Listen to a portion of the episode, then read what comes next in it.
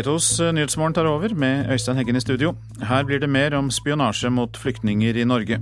Professor Ståle Eskeland skal kommentere Kvikk-saken. Et skred isolerer Todalen i Møre og Romsdal fra omverdenen. Vi skal ringe varaordføreren for å høre hvordan de har det. Og vi skal også høre om Helge Jordals hyllest til norske sjøfolk.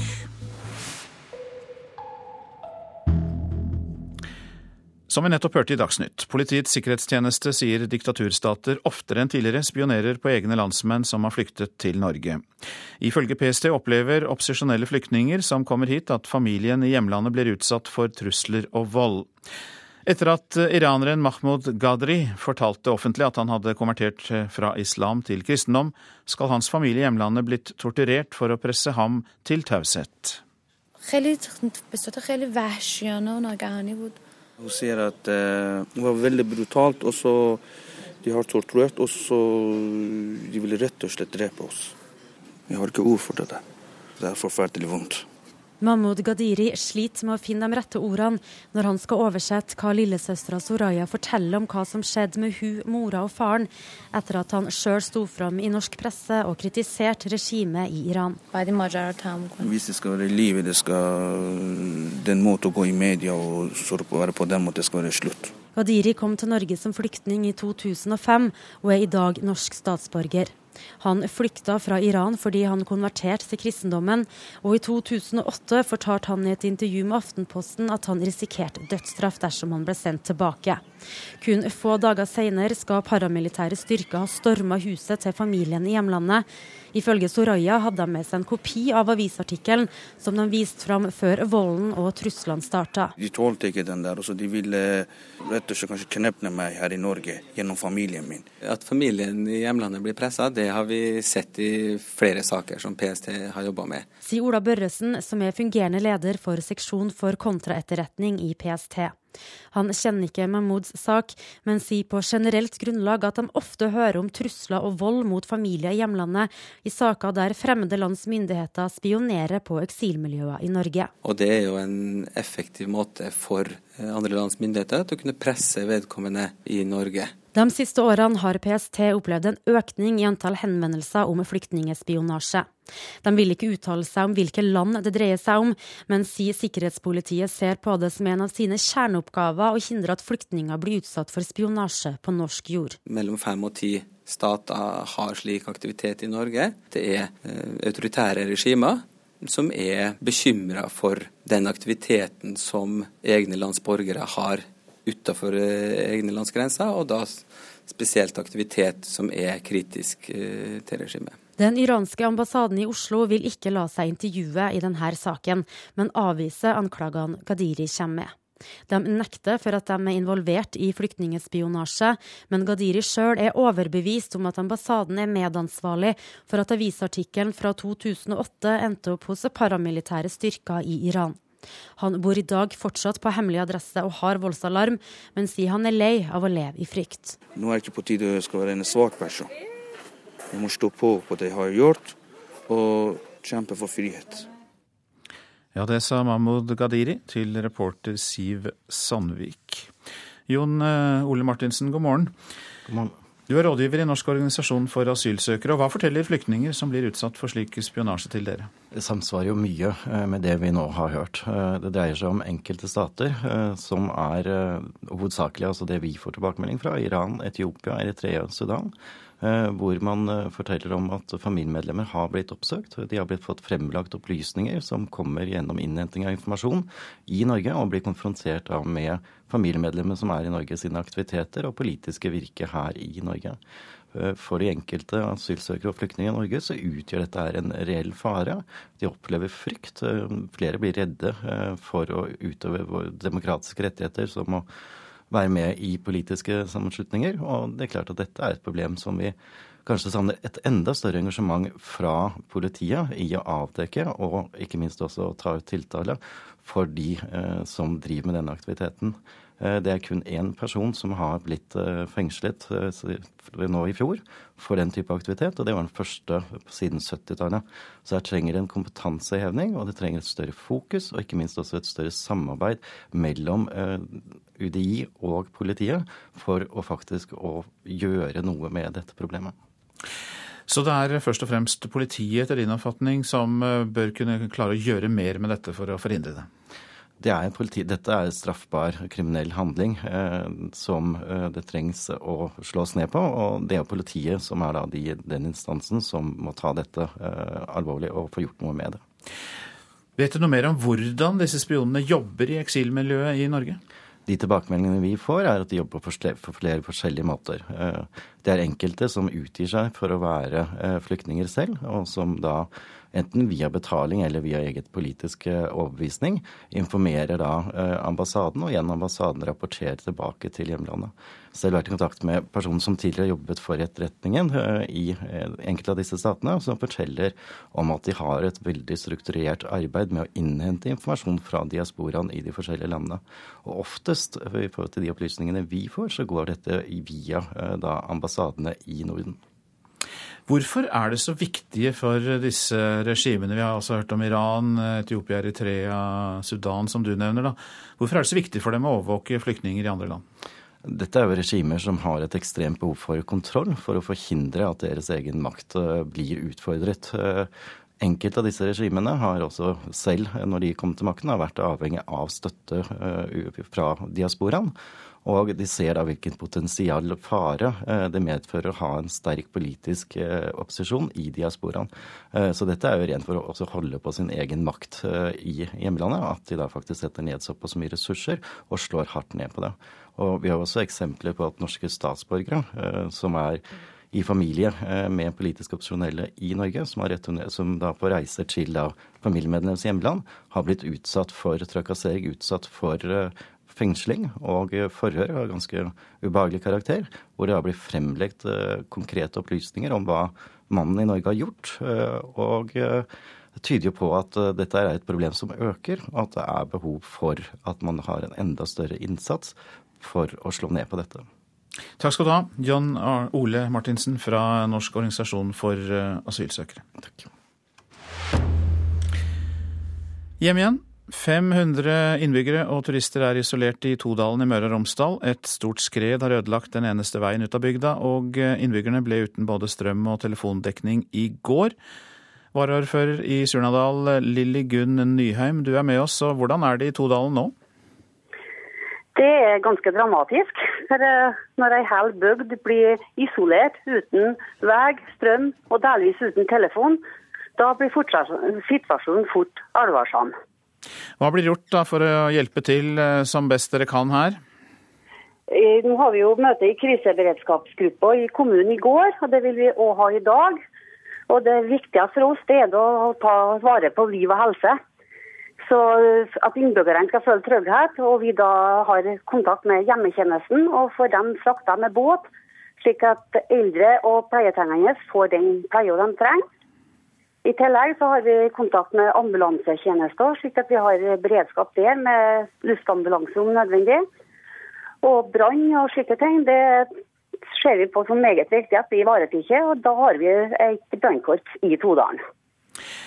Dette er jo et stort skred. Kan du beskrive det for oss? Eh, hvorfor det blir vanskelig å fjerne, i hvert fall på kort tid? Ja, det er jo et 800 meter langt eh, skred som har starta høyt opp i lia. Ei li som har ca. 32% helning. Geologer kom inn med helikopter i går og sammen med Statens vegvesen, som var til stede. Så fikk de da en befaring fra helikopteret. Og Resultatet av det er at det er flere lese steinblokker som står i fare for å reise, ned igjen. Så sikringsarbeid for dem som skal arbeide der, er òg viktig å ivareta. Så det er et stort, krevende arbeid å få sikre området før vi kan få inn folk til å begynne å bygge vei igjen og til å få strøm inn til bygda. Takk skal du ha, varaordfører i Surnadal, Lilly Gunn Nyheim, som altså orienterte om situasjonen i Todalen, isolert fra omverdenen. Håndteringen av Kvikk-saken i det norske rettssystemet blir kritisert av Sture Bergwalls advokat Thomas Olsson. Han savner åpenhet fra norsk politi og påtalemyndighet om de feil som ble begått, feil som medvirket til at Bergwall ble dømt for de åtte drapene, mener forsvareren. Veldig alvorlig, for det, det tyder på antingen en bristende selvinnsikt om, om eh, de egne begrensningene eller en, en medveten uh, strategi for å dølge de fel som har begått. Enten en manglende selvinnsikt eller en bevisst strategi for å skjule hva som gikk feil. Slik oppsummerer Sture Bergwall sin advokat Thomas Olsson norske rettsmyndigheters håndtering av Kvikk-saken i ettertid. For selv om det hovedsakelig var en svensk drapsetterforskning, mener Olsson at det som sviktet i etterforskningen på norsk side, har vært altfor lite belyst etterpå kan man ikke lita på polisens arbeidsmetoder og deres ærlighet, da eh, riskerer jo det hele det demokratiske, eller fundamentet for den demokratiske rettsstaten å erodere.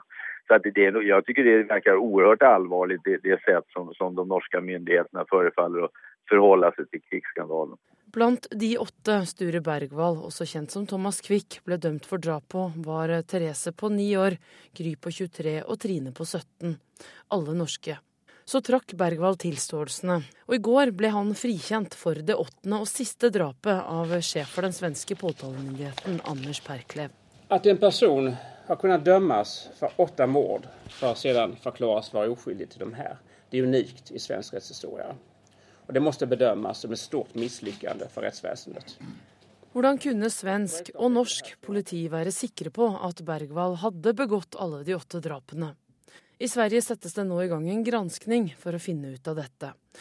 Thomas Olsson mener Norge burde gjort det samme. Jeg, jeg synes at Even i Norge bør man tilsette en utredning som eh, tittar nærmere på den norske polisens innblanding i kvikkærendene på hvilket sett den norske polisen har bidragit til eh, denne fruktansvärda skandalen og frågar seg om, om de her bristene fortfarande finnes kvar og hva man da skal gjøre for å kunne forsikre seg om at det aldri upprepas. Ferieavvikling gjorde det vanskelig for Riksadvokaten, som ikke hadde anledning til å kommentere saken i går.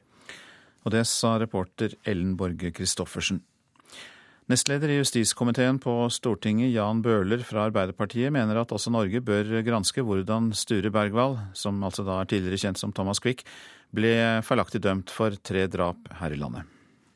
Ja, jeg syns det bør være veldig aktuelt også for oss, eh, når svenskene skal sette i gang eh, en gransking av det. Sier nestleder i justiskomiteen på Stortinget, Jan Bøhler fra Arbeiderpartiet. Han vil ikke utelukke et eventuelt samarbeid mellom norsk og svensk politi. Det er jo eh, lærdommer her som eh, jeg tror man kan få mye ut av å se på. Og, og eh, ting som eh, åpenbart har gått eh, feil, som eh, kan ha viktige sider som ikke bare gjelder denne enkeltsaken. Nestleder i justiskomiteen på Stortinget, Jan Bøhler, til reporter Andreas Meyer Eide. Vi har med oss professor i offentlig rett og strafferett ved Universitetet i Oslo, Ståle Eskeland. Hvordan vil du karakterisere de feil som er blitt innrømmet i etterforskningen av sakene mot eh, Sture Bergwall? Ja, det, det, er sikkert mange feil uh, av forskjellig slag. Men det jeg tror er viktig å uh, ha oppmerksomheten mot, det er at uh, det dreier seg om systemfeil. Altså det er noe galt med hvordan systemet fungerer som har rammet eh, Kvikk. Eh, men eh, disse systemfeilene de er jo allmenne. De gjelder ikke bare Kvikk-saken, de gjelder alle saker. Som regel så vil jo en som er tiltalt være skyldig. Og da, da er jo alt i og for seg greit. Men det er noe med måten bevis vurderes på som jeg tror man må må se nærmere på og erkjenne at det er noe fundamentalt galt i tenkemåten. Eh, og det er veldig vanskelig å forstå at en person kan bli dømt for åtte drap som man ikke er skyldig i. Det forutsetter jo da at uh, de som har behandlet saken, har vært sikre på at han var skyldig, og så viser det seg da at det ikke er tilfellet. Hvordan er det mulig? Ja, hva er da galt i denne tenkemåten som du uh, kaller det? Uh, jeg tror at mønsteret er at når en alvorlig sak kommer opp som en drapssak, så vil det være et enormt psykologisk press hos alle parter til å finne en skyldig. Og hvis man finner en som da synes å passe på et tidlig stadium i etterforskningen, så vil all oppmerksomhet bli rettet mot vedkommende. Og alt man finner vil bli tolket i lys av det man på forhånd tror, nemlig at tiltalte er, uh, eller siktede er skyldig. Og dermed ser man bort fra forhold som peker i andre retninger. En tiltale er jo i virkeligheten en historie om hva som skjedde i fortiden. Og Det er den historien som da skal eh, bekreftes eller avkreftes gjennom etterforskningen. Men hvis man på forhånd har bestemt seg for at det er én bestemt historie som er den sanne historien, så uh, står man i fare for å, uh, å begå justismord, slik som i krigssaken, men i mange andre saker også. Til slutt, Ståle Eskeland, hva bør rettsvesen og påtalemyndighet i Norge gjøre for å unngå slike saker gjentar seg? Jeg tror ikke det er noen enkel løsning på dette, fordi at dette er en del av, av den rettslige kulturen. Men jeg tror samtidig at eh, det vil være en feil å bare si nå, nå må vi se på krigssaken, hva som uh, gikk galt der. Man må løfte blikket, uh, og som Bøhler var inne på, de feilene som er begått i krigssaken, de gjelder ikke bare krigssaken, de er allmenne. Og, og, først når man erkjenner det, så kan man starte arbeidet med å virkelig endre denne, denne rettskulturen som, som, jo altså fører til katastrofale resultater, som i krigssaken, men uh, i mange andre justismordsaker også. Mange takk, Ståle Eskeland, professor i offentlig rett og strafferett ved Universitetet i Oslo. Dette er Nyhetsmorgen, og klokken den eh, drar seg mot 7.20, eh, ser det ut til. Dette er hovedsakene våre. Diktaturstater spionerer på egne landsmenn som har flyktet til Norge. Et økende problem, mener Politiets sikkerhetstjeneste. Norsk rettsvesen har ikke tatt et nødvendig oppgjør etter krigssakene, hevder altså svensk advokat. Kan bli aktuelt med gransking også i Norge, sier nestlederen i justiskomiteen Jan Bøhler. Og vi skal høre at den spanske statsministeren må forklare seg om korrupsjonsanklager. Men først om Statoil, for eh, fagforeningene der hevder ledelsen har prøvd å skjule utflaggingsplaner. Mens Statoil-ledelsen sa det handlet om maks 350 ansatte, mener forbundet Industri Energi at det i realiteten handler om tre ganger så mange arbeidsplasser. Det skriver eh, Stavanger Aftenblad. Vi er blitt ført bak lyset, sier Per Martin Labråten, nestleder i fagforeninga Industri Energi i Statoil, til Stavanger Aftenblad. Fagforeningene beskylder Statoil-ledelsen for i det skjulte å ha planlagt å flagge ut langt flere arbeidsplasser enn hva de har sagt. Fagforeningene hevder de har fått beskjed om maks 350 ansatte, mens det i realiteten skal være snakk om rundt 1000. Statoil sliter med fallende lønnsomhet, spesielt på norsk sokkel. I forrige uke forsvarte konsernsjef Helge Lund utflaggingsplanene. Det viktige perspektivet for oss er at jeg syns flere bør være opptatt av at Statoil skal drive effektivt. Men når det er snakk om tap av norske arbeidsplasser, har du da forståelse for at eh, politikere reagerer? Jeg tror det største tapet av arbeidsplasser vil oppstå hvis ikke Statoil klarer å utvikle seg og konkurrere effektivt både i Norge og i utlandet. Ledelsen i Statoil avviser påstandene fra fagforeningene, og sier de har holdt sine ansatte informert hele veien, også om hvor mange arbeidsplasser det kan være snakk om. Sa reporter Linda Reinholdsen. I dag skal den spanske statsministeren forklare seg i parlamentet om korrupsjonsskandaler som rir partiet hans som en mare. Mariano Rajoy er anklaget av en tidligere kasserer i partiet for å ha mottatt store pengebeløp fra et hemmelig fond. Rajoy har avvist alle anklager.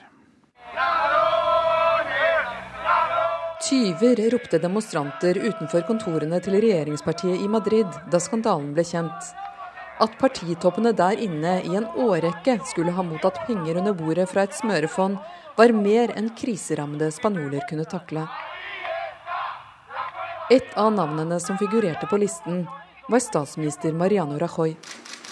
Han har hele tiden nektet for å ha mottatt penger, men vil i dag for første gang si mer om det. Eh,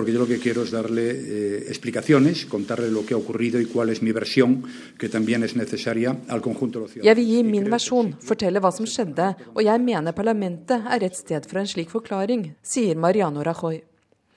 Saken kunne ikke ha kommet på et verre tidspunkt. Spanias økonomi ligger nede med brukket rygg. Vanlige folk sliter med å betale regningene sine.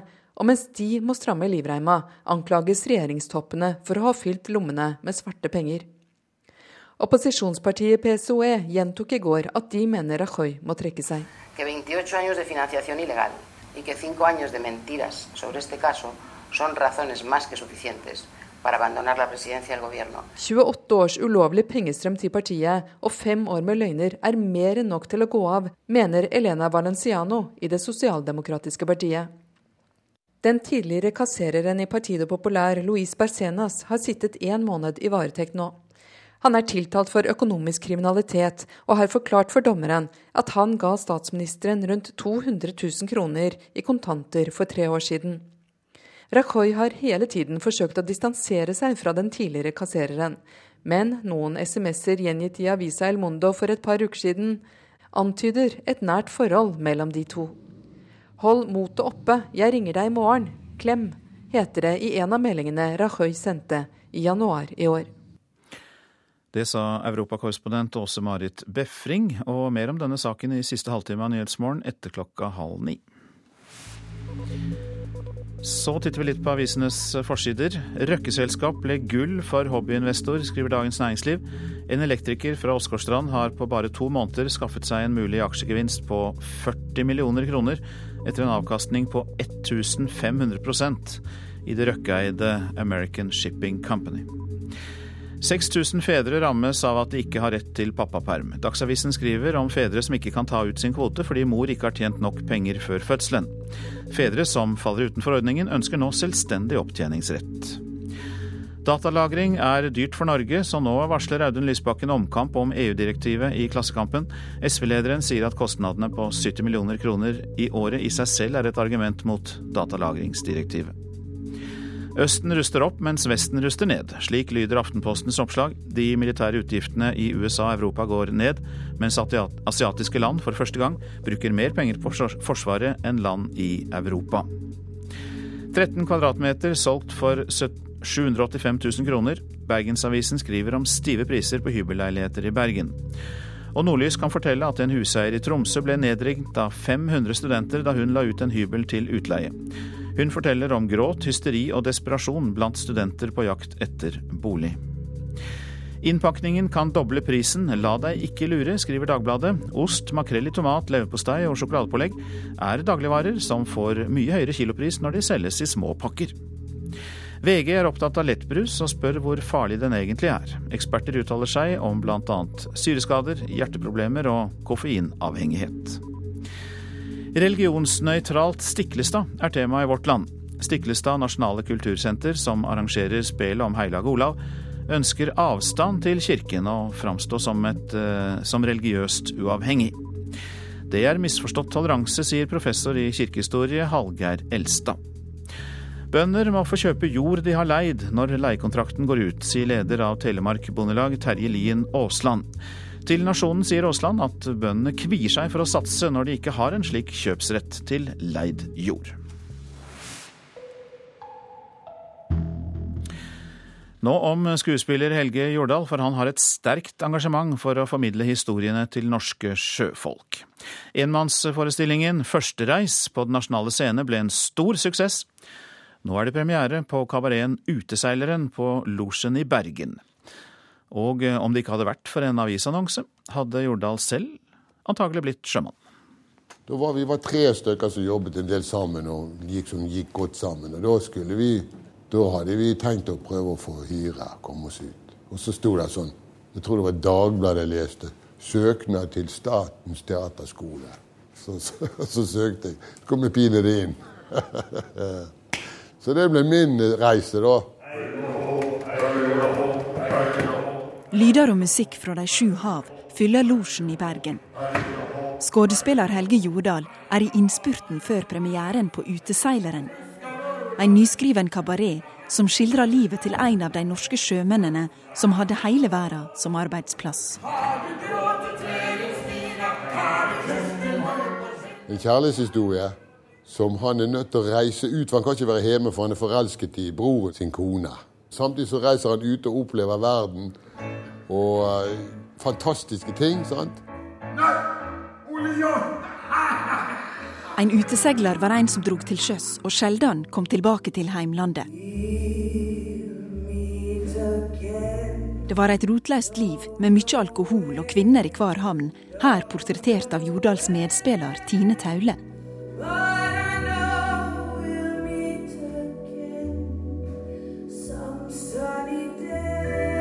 Sjømannsmyten er i stor grad sann, forteller Erling Gjelsvik, som har skrevet kabareten. Altså alt som fortelles i stykket, eh, det har skjedd i virkeligheten. Men det er haugevis av, av uh, anekdoter som Edvard Pettersen har hentet fram gjennom sitt yrkesliv. Så han har jo skrevet skutesiden i Bergensavisen i mange år. Så har jeg plukket ut en bukett og flettet det sammen til en dramatisk tekst som dreier seg om én mann.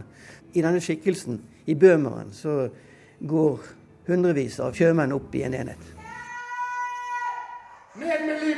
Nå er det få av de gamle uteseglerne igjen, og Helge Jordal mener det er viktig å fortelle historien deres. Det er en sjøfartsnasjon vi er, og det er det vi alltid har holdt på med helt til vi fant oljen. Og at vi er i ferd med å glemme noe hvis ikke vi på en måte vet om dette. Reporter her, det var Turid Rogne. Vi tar med at Twitter har opplevd en kraftig økning i antall krav om innsyn i privat informasjon om brukere av denne mikrobloggtjenesten. De første halvåret av 2013 økte forespørslene med 40% ifølge en halvårsrapport. Libanon fylles med flyktninger. En halv million er kommet fra Syria. Landet huser allerede 400 000 palestinere. Mer i reportasjen etter Dagsnytt. Privat eller offentlig skole. Debatt i Politisk kvarter mellom Høyre og Arbeiderpartiet kvart på åtte.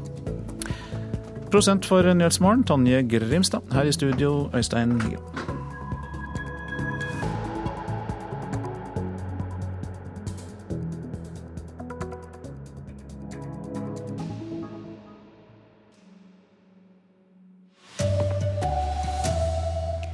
Flere flyktninger enn før sier de holdes under oppsikt av spioner fra hjemlandet, opplyser norsk politi. Svensk advokat kritiserer norsk rettsvesen, krever offentlig granskning av Thomas Quick-sakene. Fagforeningen i Statoil mener konsernet ville skjule planer om utflagging av 1000 ansatte.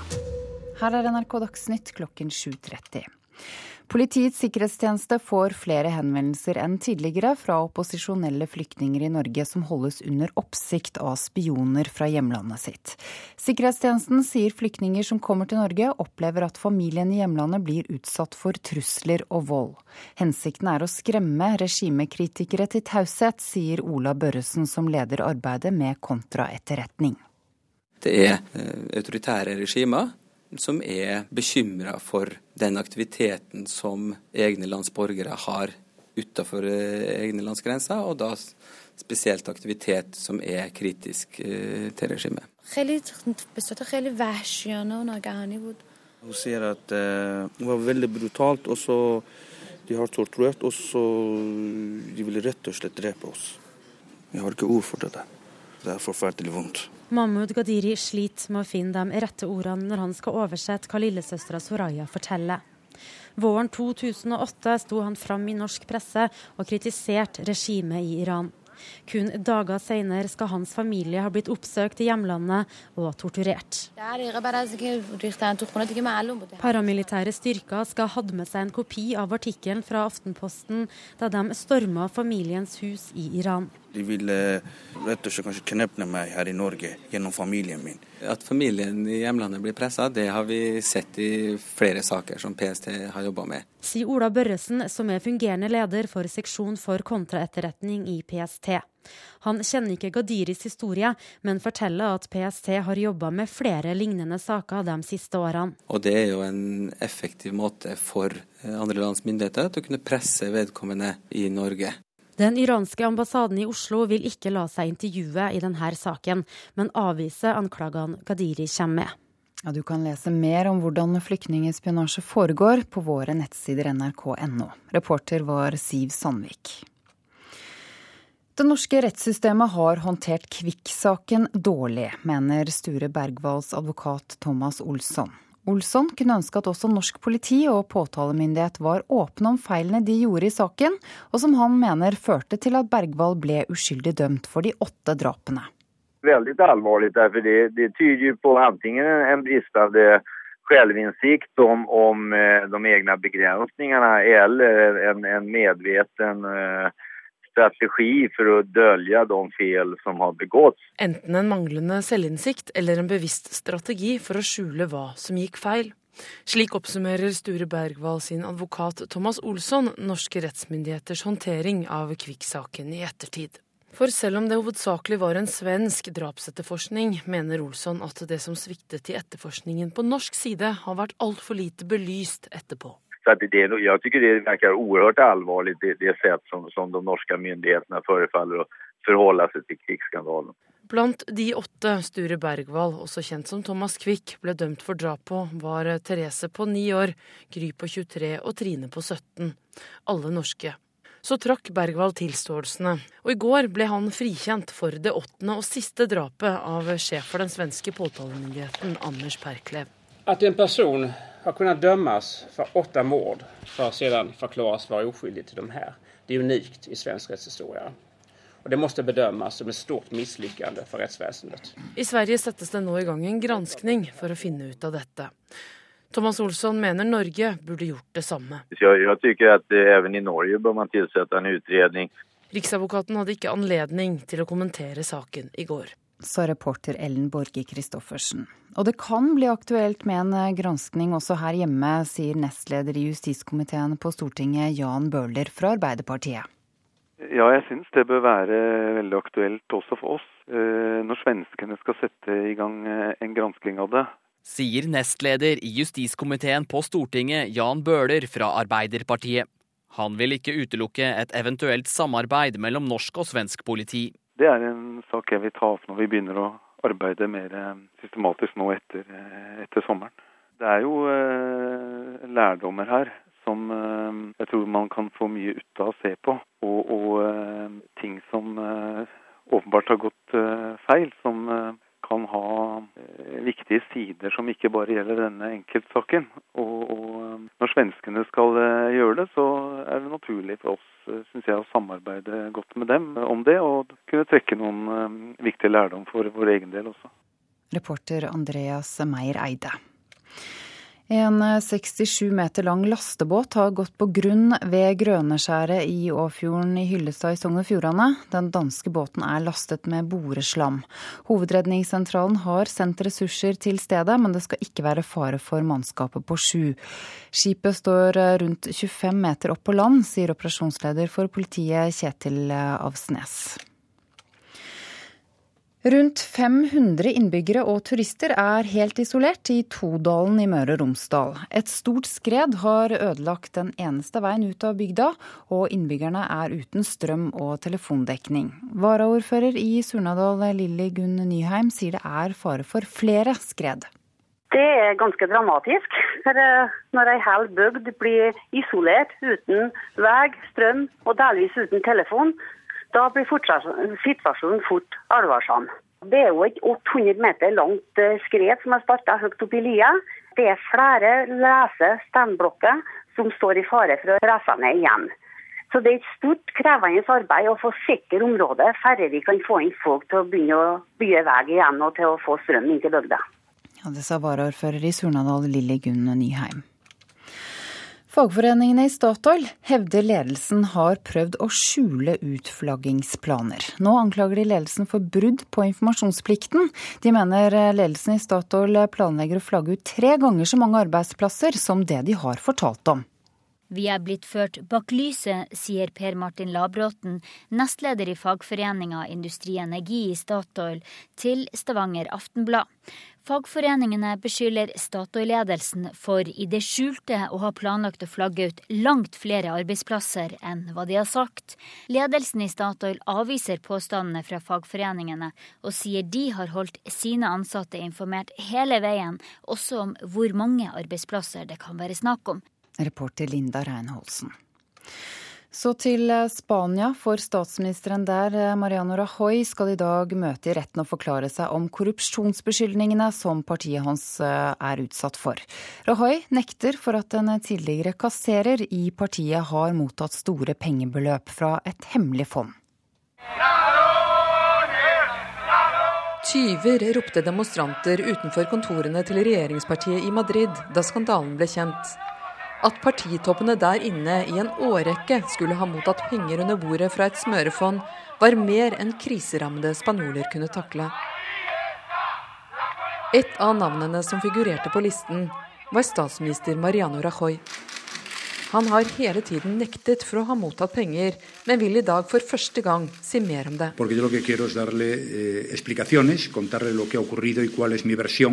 jeg vil gi min versjon, fortelle hva som skjedde, og jeg mener parlamentet er rett sted for en slik forklaring, sier Mariano Rajoy. Saken kunne ikke ha kommet på et verre tidspunkt. Spanias økonomi ligger nede med brukket rygg. Vanlige folk sliter med å betale regningene sine. Og mens de må stramme livreima, anklages regjeringstoppene for å ha fylt lommene med svarte penger. Den tidligere kassereren i Partido Populær, Luis Barcenas, har sittet én måned i varetekt nå. Han er tiltalt for økonomisk kriminalitet og har forklart for dommeren at han ga statsministeren rundt 200 000 kroner i kontanter for tre år siden. Det sa europakorrespondent Åse Marit Befring.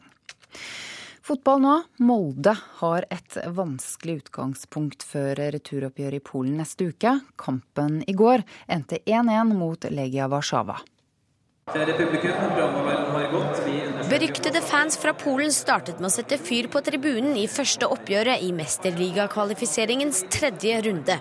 Deretter var det en debutant som skulle se rødt. Altså, jeg syns det er litt eh, spesielt at han, eh, han velger å gi meg gult kort på det. Forteller Fredrik Gulbrandsen. Dermed kan ikke Gulbrandsen spille i returoppgjør i Polen neste uke. Utrolig surt. Det er sikkert en kamp som hadde passa meg perfekt. Om Champions League-drømmen skal leve videre, må Solskjærs menn skåre i Warszawa. Der venter et enda større trøkk på tribunen. Sa reporter Emilie Hall Torp. Ansvarlig for denne sendingen er Erik Ramberg. Teknisk ansvarlig Lars Tronsmoen. Jeg heter Ida Creed.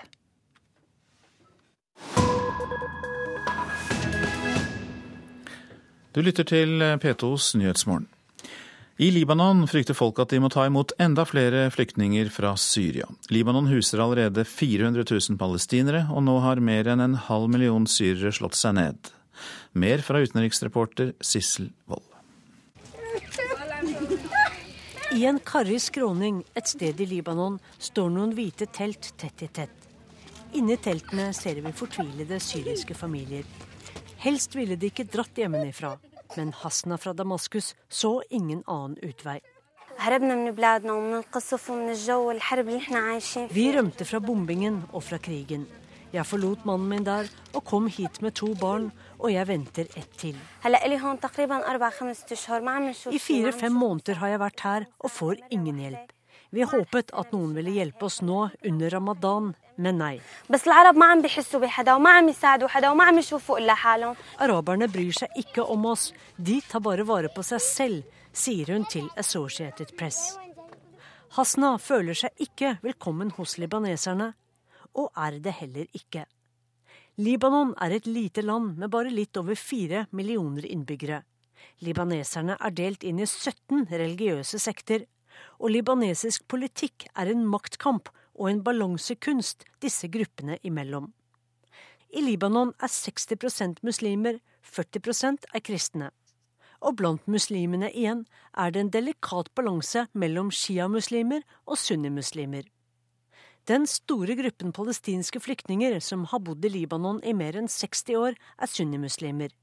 De rundt 400 000 palestinerne teller nå 10% av befolkningen. Verken libanesiske myndigheter eller politikere ønsker å integrere palestinerne, fordi de vil forrykke den hårfine balansen mellom sunni og shia og kristen og muslim. Ifølge FN har hele 660 000 syrere flyktet til Libanon nå, og de fleste av dem er også sunnimuslimer. Utenfor kontoret til høykommissæren for flyktninger i Beirut står et stort antall midlertidige Ikea-produserte containerhus. Men FN får ikke sette dem opp, fordi libanesiske myndigheter frykter at med mer permanente hus, så vil syrerne, i likhet med palestinerne, bli værende i landet. The government is very wary of using prefabricated buildings for refugee housing. Regjeringen er skeptisk til prefabrikerte hus, sier Ninette Kelly fra FNs høykommissær for flyktninger i Libanon. Libaneserne vil at syrerne skal bruke lettere telt som de kan pakke sammen og ta med seg tilbake til Syria.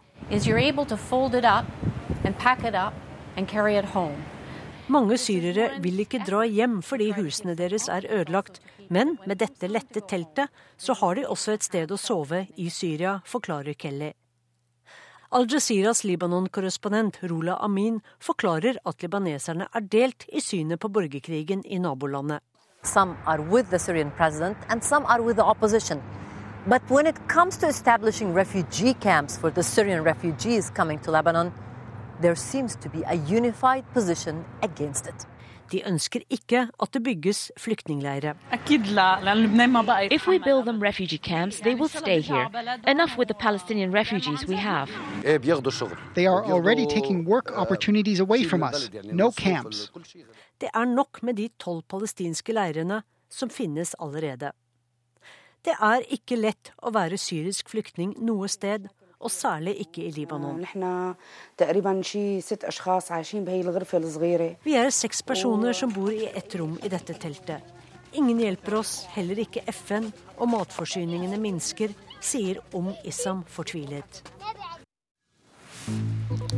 Dette er P2s Nyhetsmorgen, og dette er hovedsakene i dag. Diktaturstater spionerer på egne landsmenn som har flyktet til Norge. Politiets sikkerhetstjeneste har fått flere henvendelser om slik spionasje.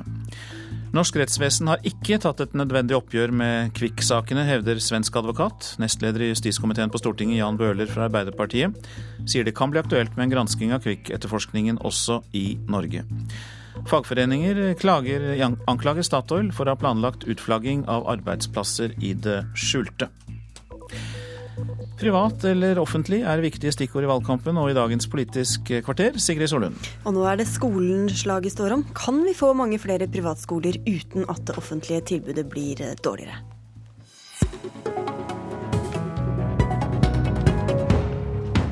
Nei, mener du, nærings- og handelsminister Trond Giske fra Arbeiderpartiet. I Dagbladet har du advart mot massiv nedleggelse av den offentlige skolen hvis Høyre kommer til makten.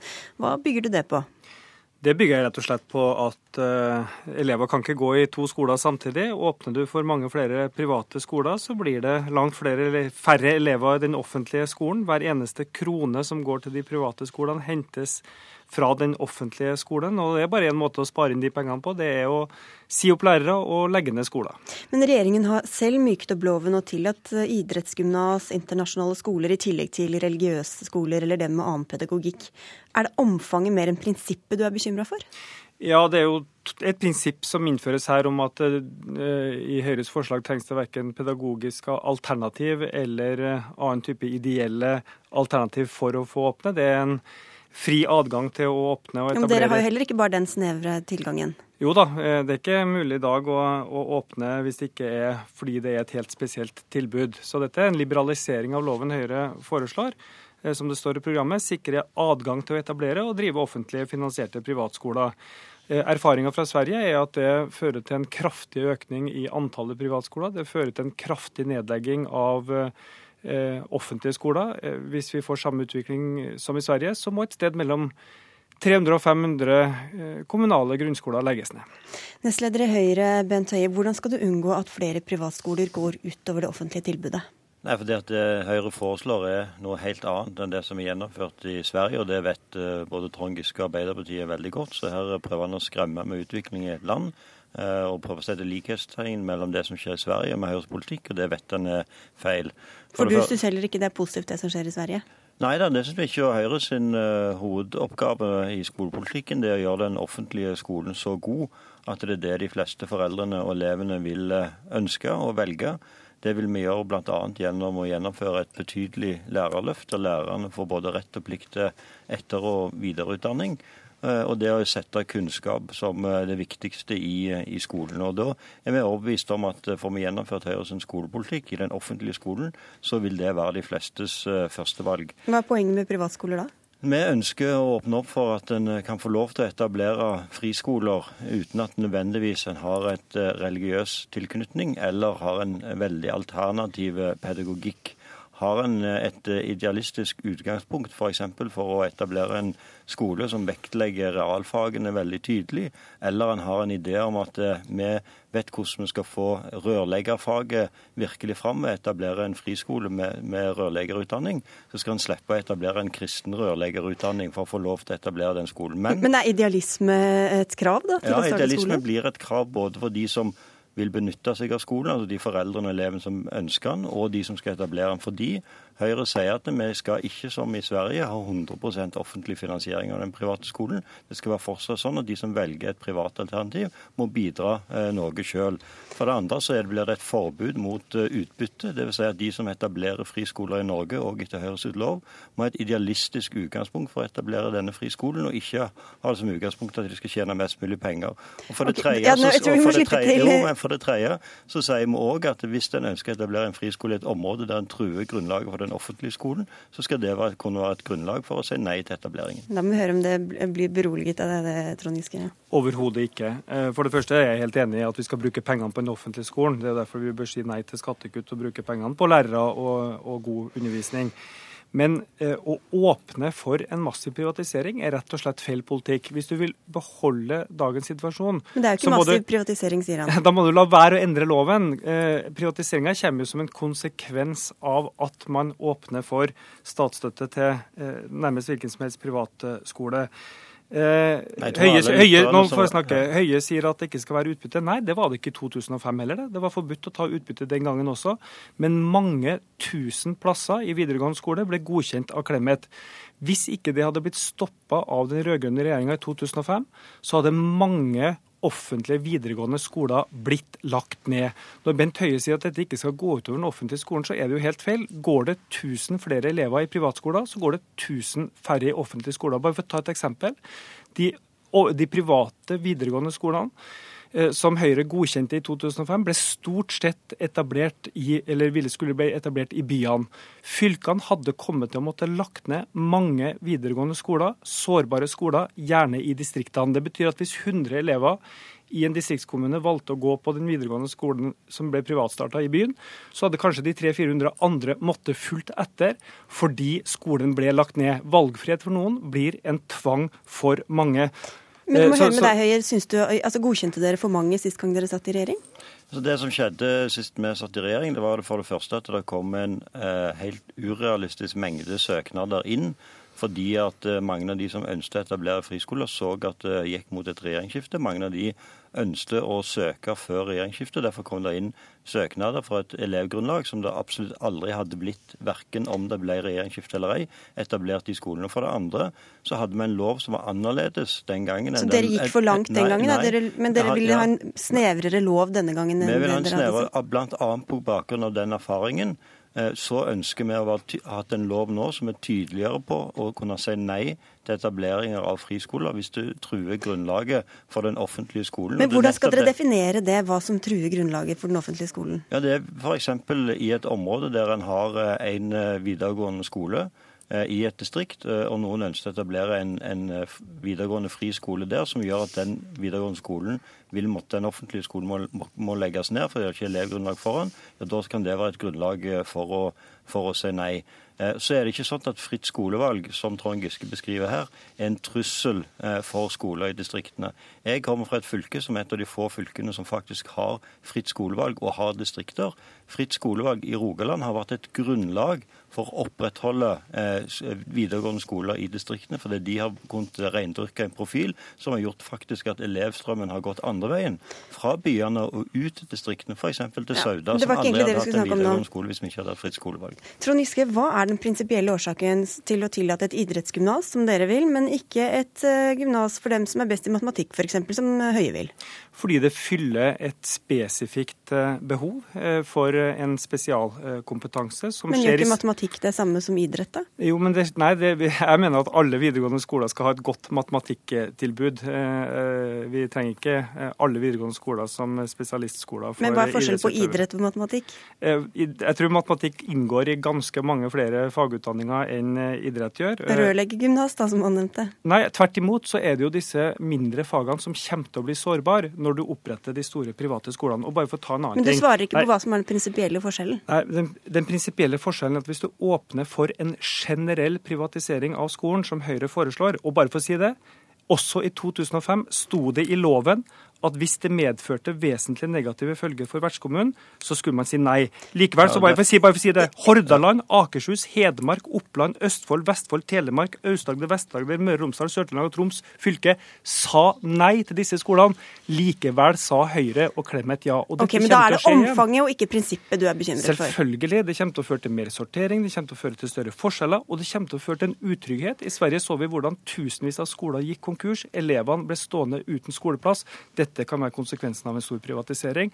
og Derfor bør vi la være å endre loven. Det er måten å mm. hindre storstilt privatisering på. Hvordan skal dere unngå Bent Høie, at det samme skjer i Norge som har skjedd i Sverige? At elever blir stående uten tilbud, og kommunene blir, må plutselig ta over eh, tilbudet til elevene når de private finner ut at det ikke er lønnsomt å drive lenger? Nei, Det er rett og slett gjennom å hindre at det blir for det omfanget som det gjør i Sverige. og Det vil vi gjøre på tre områder. For det første at de som velger dette alternativet, må bidra noe selv gjennom en egenandel, gjennom en egen innsats. Gjennom et forbud mot utbytte, sånn at det ikke vil være de kommersielle aktørene som vil finne dette interessant. Det skal være et idealistisk eh, drivkraft bak det. Og for det tredje at vi skal ha en annen lov som er tydeligere enn den loven som var i 2005 Eh, på dette med at en ikke skal kunne undergrave grunnlaget for den offentlige skolen. F.eks. skal ordet 'vesentlig' ut av eh, en, en ny lov som, som, som, Høyre vil fremme hvis vi kommer i regjering. Og Dermed så faller hele skremmebildet til Trond Giske i knus. Eh, dette er en, en retorikk som en vil bruke, men en vil ikke faktisk forholde seg til det som Høyre sier skal være vår, vår politikk på området. Vår hovedpolitikk er å styrke den offentlige ja, skolen. Men jeg vil bare spørre deg, hvordan skal dere definere hva som er idealisme? når noen går inn for å starte en skole? Altså, idealisme vil ligge i at det er et forbud mot utbytte. og Dermed så vil en ikke kunne ha som motiv å tjene penger fordi at en skal etablere en skole. og Det er jo det vi definerer som idealisme. Da må det være at en har en veldig sterk tro på at en kan etablere en skole som er bedre. og Derfor er det et stort paradoks at hvis en f.eks. sier at realfagene er noe som en brenner for, og en har lyst til å etablere en skole som virkelig vektlegger realfagene, så får en ikke lov til det.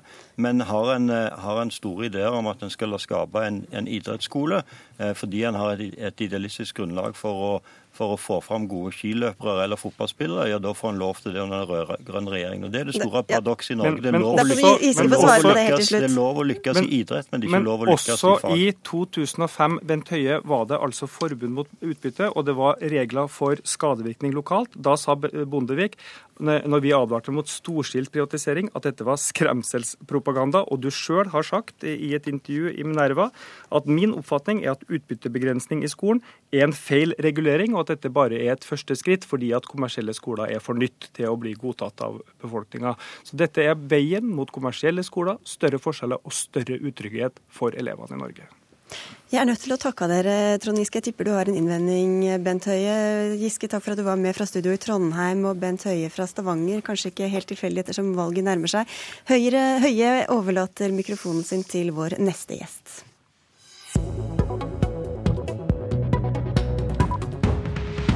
Ja, Tina Bru, hvem er du? Nei, jeg er eh, per i dag en lokalpolitiker i Rogaland. Det har jeg vært i en del år nå. Jeg sitter i fylkestinget bl.a. Jeg har en fortid i Unge Høyre. Og nå er jeg fjerdekandidat ved stortingsvalget og ønsker meg da en stortingsplass til høsten, så vi får se åssen det går.